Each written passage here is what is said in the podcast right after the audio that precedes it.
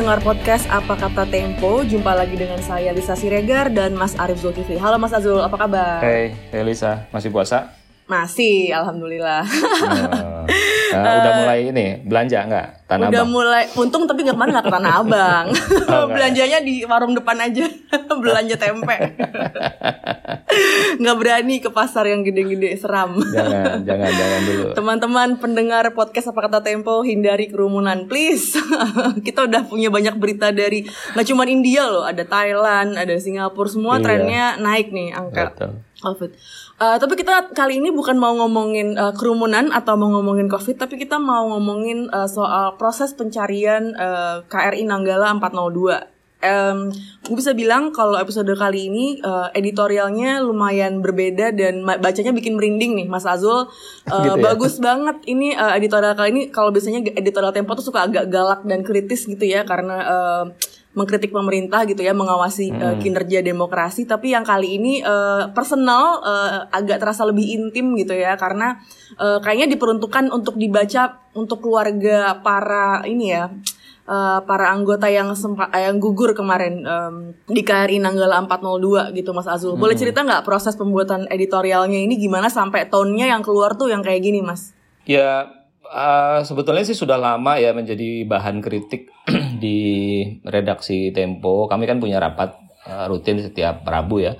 Di situ uh, sikap redaksi dibahas dengan sangat serius dan panjang lebar, tapi juga secara penyajian juga dibahas gitu. Nah, salah satu masukan adalah memang kita menjadi uh, mengulang-ulang terutama untuk isu-isu yang memang uh, berulang ya gitu ya. Isu korupsi hmm. isu termasuk isu kecelakaan ini karena ini kan bukan yang pertama gitu. Jadi disarankan dalam rapat itu untuk uh, mencoba mengubah teknik penyajian menjadi lebih uh, segar gitu. Karena uh, konten itu satu hal ya tapi cara cara narasi dalam menyampaikan itu juga hal lain gitu. Jadi gimana hmm. caranya supaya mengubah?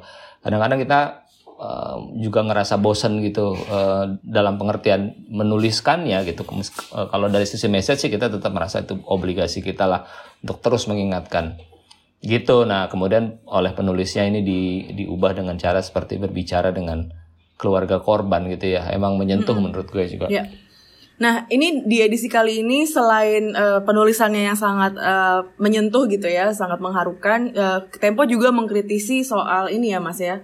Uh, soal siapa sih sebenarnya yang bertanggung jawab terhadap uh, kecelakaan KRI Nanggala ini gitu. Silakan Mas Azul kalau boleh cerita soal editorialnya. Iya, jadi uh, saya kira kalau terhadap peristiwa-peristiwa seperti ini, kecelakaan, uh, bencana itu posisi pertama tentu kita sangat bersimpati dan sangat berpihak pada korban gitu ya. Saya yeah. kira itu itu da, posisi yang dasar sekali gitu. Tapi kesedihan-kesedihan itu nggak uh, uh, boleh dibiarkan berhenti sampai situ saja gitu. Karena kalau berhenti pada kesedihan maka kita seperti menganjurkan kepada pihak yang berwenang pemerintah gitu untuk menyelesaikan kesedihannya gitu yaitu uh, memberi santunan, mendatangi hmm. keluarga korban, bersimpati gitu. Tidak salah tentu saja, tapi nggak cukup gitu. Nggak cukup. Jadi harus ada posisi ini juga mungkin ajakan ya kepada media-media yang lain juga teman-teman kita untuk pada satu titik kita udah harus berhenti itu untuk terus menyajikan kesedihannya. Tapi kita mesti mulai cari tahu gitu. Ini sebetulnya kenapa sih? Ini kan nggak boleh terjadi lagi nih gitu setiap ada kecelakaan ya kita sedih tapi nggak boleh nggak boleh terulang gitu jadi harus dicari tahu dan ya. harus dianjurkan kepada pemerintah untuk memastikan apa yang terjadi dan mengambil langkah-langkah yang signifikan gitu kalau ada yang salah ya harus dihukum gitu kalau ada yang meleset ya harus di dibenerin lagi gitu kira-kira gitu sih uh, semangatnya Lis. Hmm oke okay, oke. Okay.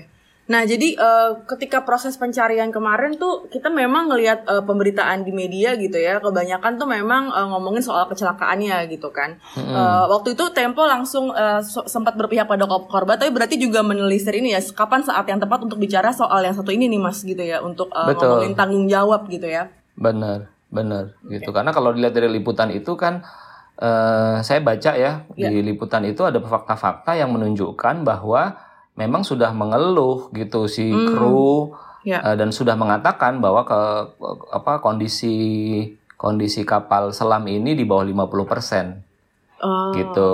Itu juga dan ada lagi yang menarik adalah uh, cerita dari uh, kapten kapalnya kan. Hmm.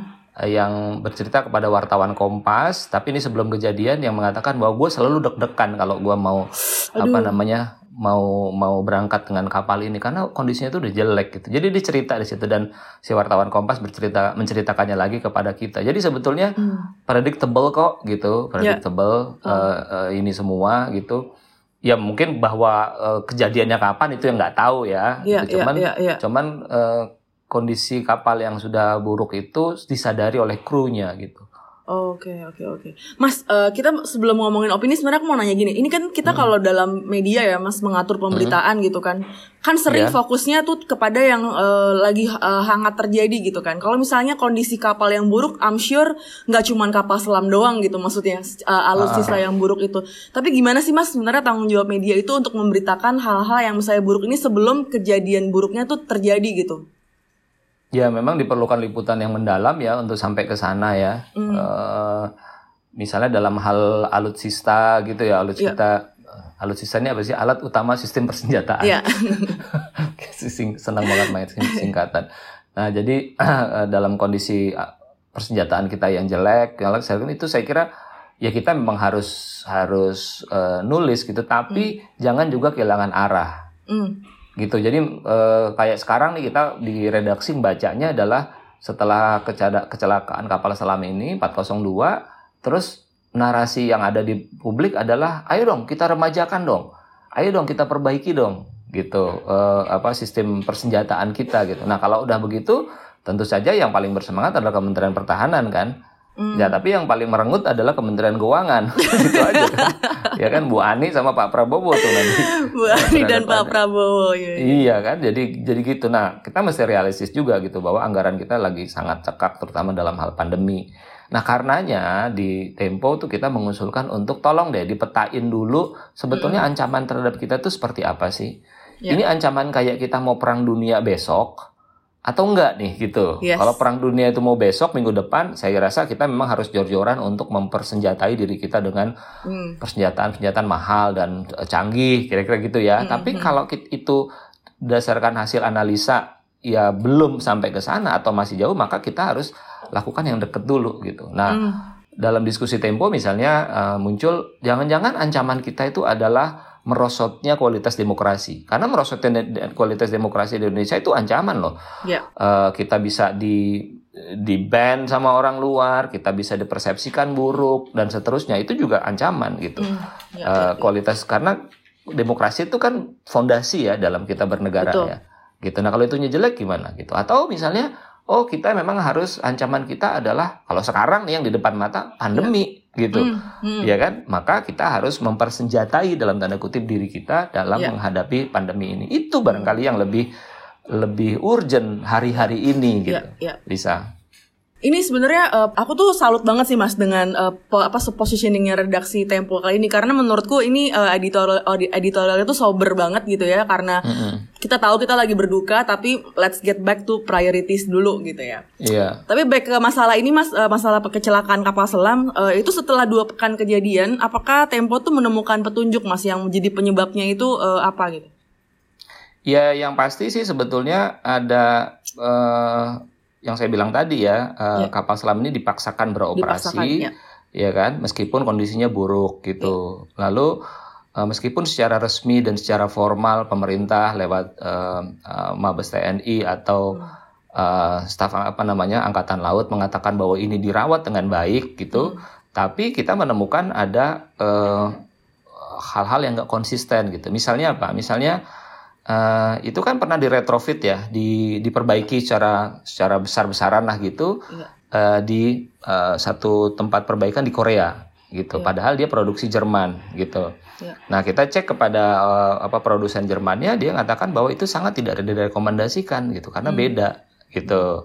Nah yang kayak kayak begitu. Lalu misalnya juga uh, di apa dinyatakan bahwa ini dilakukan pemeriksaan rutin kalau nggak salah itu dua sekali dalam dua tahun uh, dalam dalam galangan dalam negeri kita di PT PAL gitu. Tapi kita cek ke PT PALnya, kata PT PALnya juga nggak ada gitu. Hmm. Jadi jadi mungkin beberapa indikasi yang kayak begini ya inkonsistensi dari keterangan para pemegang wewenang lah begitu menunjukkan bahwa memang apa yang dikhawatirkan oleh si kapten kapal kepada wartawan Kompas itu betul gitu. Gue tuh selalu deg-degan dia bilang setiap kali memulai hmm. uh, perjalanan dengan dengan kapal ini gitu. Oke, okay. Mas ini kan uh, kejadian ini tuh harusnya berarti nggak berhenti di ini kan kemarin santer kabar adalah dikasih santunan gitu ya, dikasih uh, kompensasi lah dari pemerintah kepada keluarga korban gitu kan. Nah hmm. sebenarnya gimana sih kita harusnya menuntut pertanggungjawaban dari kasus ini nih Mas? Uh, ya menurut menurut saya sih bahwa pemerintah memberikan perhatian kepada korban saya kira itu ya sudah sewajarnya lah ya, hmm. itu sudah sewajarnya sekali lagi tapi Eh, nggak uh, boleh dibiarkan ini tanpa penjelasan. Itu yang paling penting hmm. sih gitu. Kalau pesawat uh, sipil jatuh itu kan pasti ada uh, pemeriksaan lebih lanjut kan, dicari ya. uh, apa namanya kotak hitamnya dan sebagainya gitu ya, loh. Betul. Ya kan, ini juga ya. mesti dilakukan gitu. Hmm. Jadi nggak bisa gitu, dibiarkan begitu saja. Jangan mengatakan bahwa, uh, aduh ini kan susah banget ya diangkat si apa kapal, kapal selam, selam ini karena terlalu jauh ada di bawah. Ya. Dan kemudian ujungnya adalah ya udah nggak ada penjelasan sama sekali gitu. Hmm. Itu nggak bisa tuh. Itu penyebab kecelakaan mesti harus di, diketahui. Sekali lagi satu adalah untuk menjelaskan kepada korban, kepada hmm. keluarga korban gitu bahwa uh, dia nggak boleh hidup dalam uh, ketakutan atau hidup dalam sebuah bayang-bayang hantu bahwa ada human error misalnya gitu. Iya. Waduh sedih banget kan? Pertanyaan itu ya Mas ya yang harus iya, dijawab. Pertanyaan ya. itu harus dijawab buat buat si buat si keluarga korban itu penting loh gitu. Iya. Sebetulnya uh, suami gue atau bokap gue atau siapa pun adik kakak itu apa ya ber bertanggung jawab atau berperan nggak dalam ini semua gitu? Hmm. kan dia mesti punya jawaban gitu. Kalau misalnya tidak ya tidak gitu. Dia dia bisa lebih lega gitu si keluarga. Itu penting. Tapi yang juga tidak kalah penting adalah publik. Hmm. publik dan pada akhirnya adalah pengambil kebijakan. Gimana kita uh, melihat persoalan ini dan bagaimana kita memperbaikinya ke depan? Itu yang juga nggak kalah penting gitu. Hmm. oke. okay. Uh, Mas ini kan setelah ditemukan ternyata upaya evakuasinya itu di kedalaman 838 meter tuh susah dan uh, costly apa mahal gitu ya. Uh, yeah. Menurut redaksi Tempo, opsi terbaik buat pemerintah ini apa ya Mas terkait uh, evakuasi bangkai kapal selamnya? Ya memang ini ini teknis sekali ya. Uh, Dia udah jatuh di kedalaman 700 terus ada palung lagi kan. Mm -mm. Gitu ada palung lagi gitu. Uh, nggak gampang memang tapi sekali lagi mestinya itu tidak menjadi uh, tidak menjadi alasan untuk bukan diangkatnya loh kalau buat kita, tapi dicari hmm. tahu penyebabnya gitu. Jadi kalau misalnya memang mencari tahu penyebab itu harus menemukan dan mengangkat itu itu soal hmm. satu soal gitu. Tapi poinnya itu bukan itu gitu. Hmm. Karena kalau misalnya kita mau nyari jenazah misalnya gitu ya mungkin ya ya ya agak susah lah ya mungkin ya karena tekanan bawah laut kan begitu tinggi gitu. Tapi tapi harus dicari cara gitu. Harus hmm. dicari cara untuk dicari Ya misalnya kayak dokumen yang udah yang penting-penting aja nih. Dokumen sebelum berangkat tuh ada di mana sih? Hmm. Gitu. Kan nggak semuanya ada di kapal dong, pasti kan ada di ada di darat juga gitu. Terus hasil uh, apa yang dijadikan hasil liputannya Tempo juga menurut gua kan bisa jadikan uh, dasar gitu. Apa yeah. ya sih dirawat gitu? Apa ya sih uh, keputusan untuk meretrofit di Korea itu benar gitu. Nah, yang begitu-begitu kan bisa dilakukan gitu tanpa harus tentu lebih baik adalah kalau dia kita bisa uh, periksa langsung ke ke apa namanya jasadnya hmm. kapal itu ya bangkai kapal yeah. itu yang katanya sudah terbelah tiga ya. Iya, oke. Okay. Gitu. Nah ini selain uh, ada lagi fakta yang sangat uh, menyedihkan nih ya karena rangkuman Tempo menunjukkan kalau sejak enam tahun lalu ternyata udah ada ratusan prajurit kita gugurnya yeah. bukan karena perang tapi karena kegagalan peralatan. Ini ini menyedihkan banget gitu. Jadi seharusnya apa nih mas yang bisa kita pelajari dari hal ini nih mas? Iya uh, dan banyak ya. Uh, di liputan Tempo tuh juga dipaparin gitu 2015 misalnya Hercules ya, ya. Hercules C30 itu jatuh di Medan mm -hmm. ya kan? Terus tahun kemudian ada helikopter Bell di Jogja Poso Papua Kampar gitu. Jadi uh, bertubi-tubi memang gitu. Nah sialnya sialnya adalah itu semua terjadi di tengah peningkatan anggaran pertahanan yang terus meningkat yang terus nambah gitu. Mm gitu di 2021 aja udah 137 triliun ya atau naik 14% dibandingkan sebelumnya gitu. Jadi hmm. kalau kita bicara soal perawatan, kalau kita bicara soal uh, perhatian hmm. anggaran kita terhadap pertahanan, hmm. maka pertanyaan maka yang tampak adalah sebetulnya naik gitu loh dalam hal anggaran gitu. Tapi kok ini semua terjadi? Nah mereka yang pro dengan peremajaan alusista gitu, mereka kan mengatakan bahwa ya belum belum seberapa kali gitu kan, 137 atau 14 persen itu nggak ada apa-apanya dan selalu argumennya adalah coba bandingin dengan negara lain, pasti begitu argumennya, bang dan dibandingnya tuh dengan uh, Singapura gitu kan, dibandingin sama negara-negara yang uh, tentu tidak apple to apple untuk dibandingkan gitu. Jadi sekali lagi memang memperbaiki sistem persenjataan kita itu baik tapi harusnya lebih realistis. Dan hmm. di atas itu semua adalah memetakan kembali sifat dan pola ancaman yang ada di Indonesia saat ini. Itu yang lebih ya. penting ya. sekarang. Anda bayangkan ya, Lisa ya, kalau sekarang eh, misalnya kayak Papua nih gitu. Mm Ya kan? Nah, ini agak nyimpang sedikit kita ngomong. Papua kan pemerintah ngambil satu langkah yang dra dramatis yaitu menetapkan mereka sebagai teroris, teroris gitu. Ya. Ini hmm. ancaman nggak? Ancaman banget, hmm. ancaman banget. Dan saya dengar di kalangan pemerintahan juga tidak satu suara soal penetapan status uh, cap teroris terhadap Papua ini. Kenapa? Karena akan ada reaksi internasional, internasionalisasi hmm. itu akan terjadi dan itu ancaman yang sangat serius, gitu. Hmm. Jadi isu HAM akan muncul lagi. Kita tahu uh, pemerintahan Amerika yang baru uh, di bawah Joe Biden itu adalah pemerintahan yang sangat concern terhadap ya. isu-isu HAM, uh, isu-isu demokrasi dan berbeda dengan presiden sebelumnya gitu. Jadi uh, ini ancaman, ah, sangat sangat mm. ancaman mm. gitu. Nah itu yang mesti di, dipertimbangkan betul gitu. Okay. Ditulis. Nah, Mas, ini uh, mungkin terakhir uh, kemarin tuh hmm. ada seorang pengamat yang mengungkapkan soal ini, Mas, mafia alutsista gitu. Katanya Mr. M. Gue paling ngeri kalau udah pakai inisial. Serem nih, Mas. Ini. Udah pakai inisial nih. Aduh. iya, iya, iya, iya. Mr. Iya. M gitu ya. Jadi Tempo kira-kira punya petunjuk gak, Mas? Kira-kira siapa sih mafia yang dimaksud ini nih? Aduh, ini memang masih spekulatif ya. tapi tapi yang penting sih menurut gue adalah soal pengawasannya pengawasannya di Kementerian uh, apa namanya uh, dalam pengadaan alutsista pengadaan senjata itu kan dulu ya waktu KPK-nya masih beres saja itu nggak bisa hmm. masuk loh KPK hmm.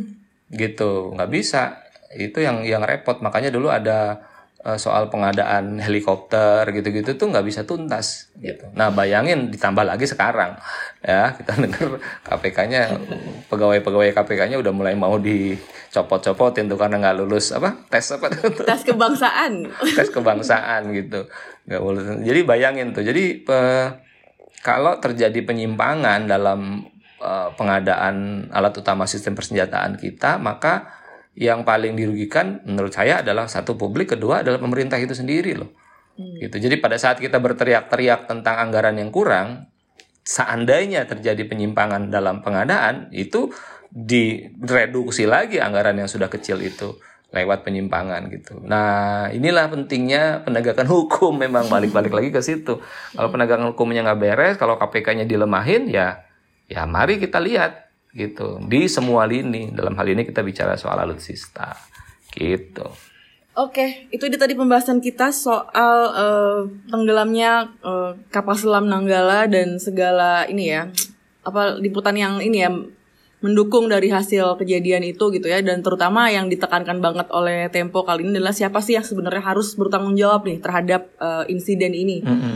gitu. Mm -hmm. Terima kasih banget buat kamu yang setia ngikutin podcast apa kata Tempo. Jangan ragu kontak kita lewat email kalau ada pertanyaan atau kalau mau collab. Um, Jangan mudik, tetap pesan terakhir ya. Jangan, jangan mudik deh, jangan mudik ngeri, ngeri. Di rumah ngeri. aja udah dulu ya, pelan-pelan. Lalu di rumah seru. aja nih berarti ya lebaran rencana. Iya, iya dan gue seneng karena sholat idnya kita anu cuman berempat gitu kan di rumah ya berempat di keluarga rumah, gitu asik kan kapan lagi jadi imam sholat id oke okay. Oke, thank you banget udah dengerin podcast Apa Kata Tempo, Mas Azul. Thank you. Kita jumpa thank lagi you, uh, minggu depan. Bye bye. Dah.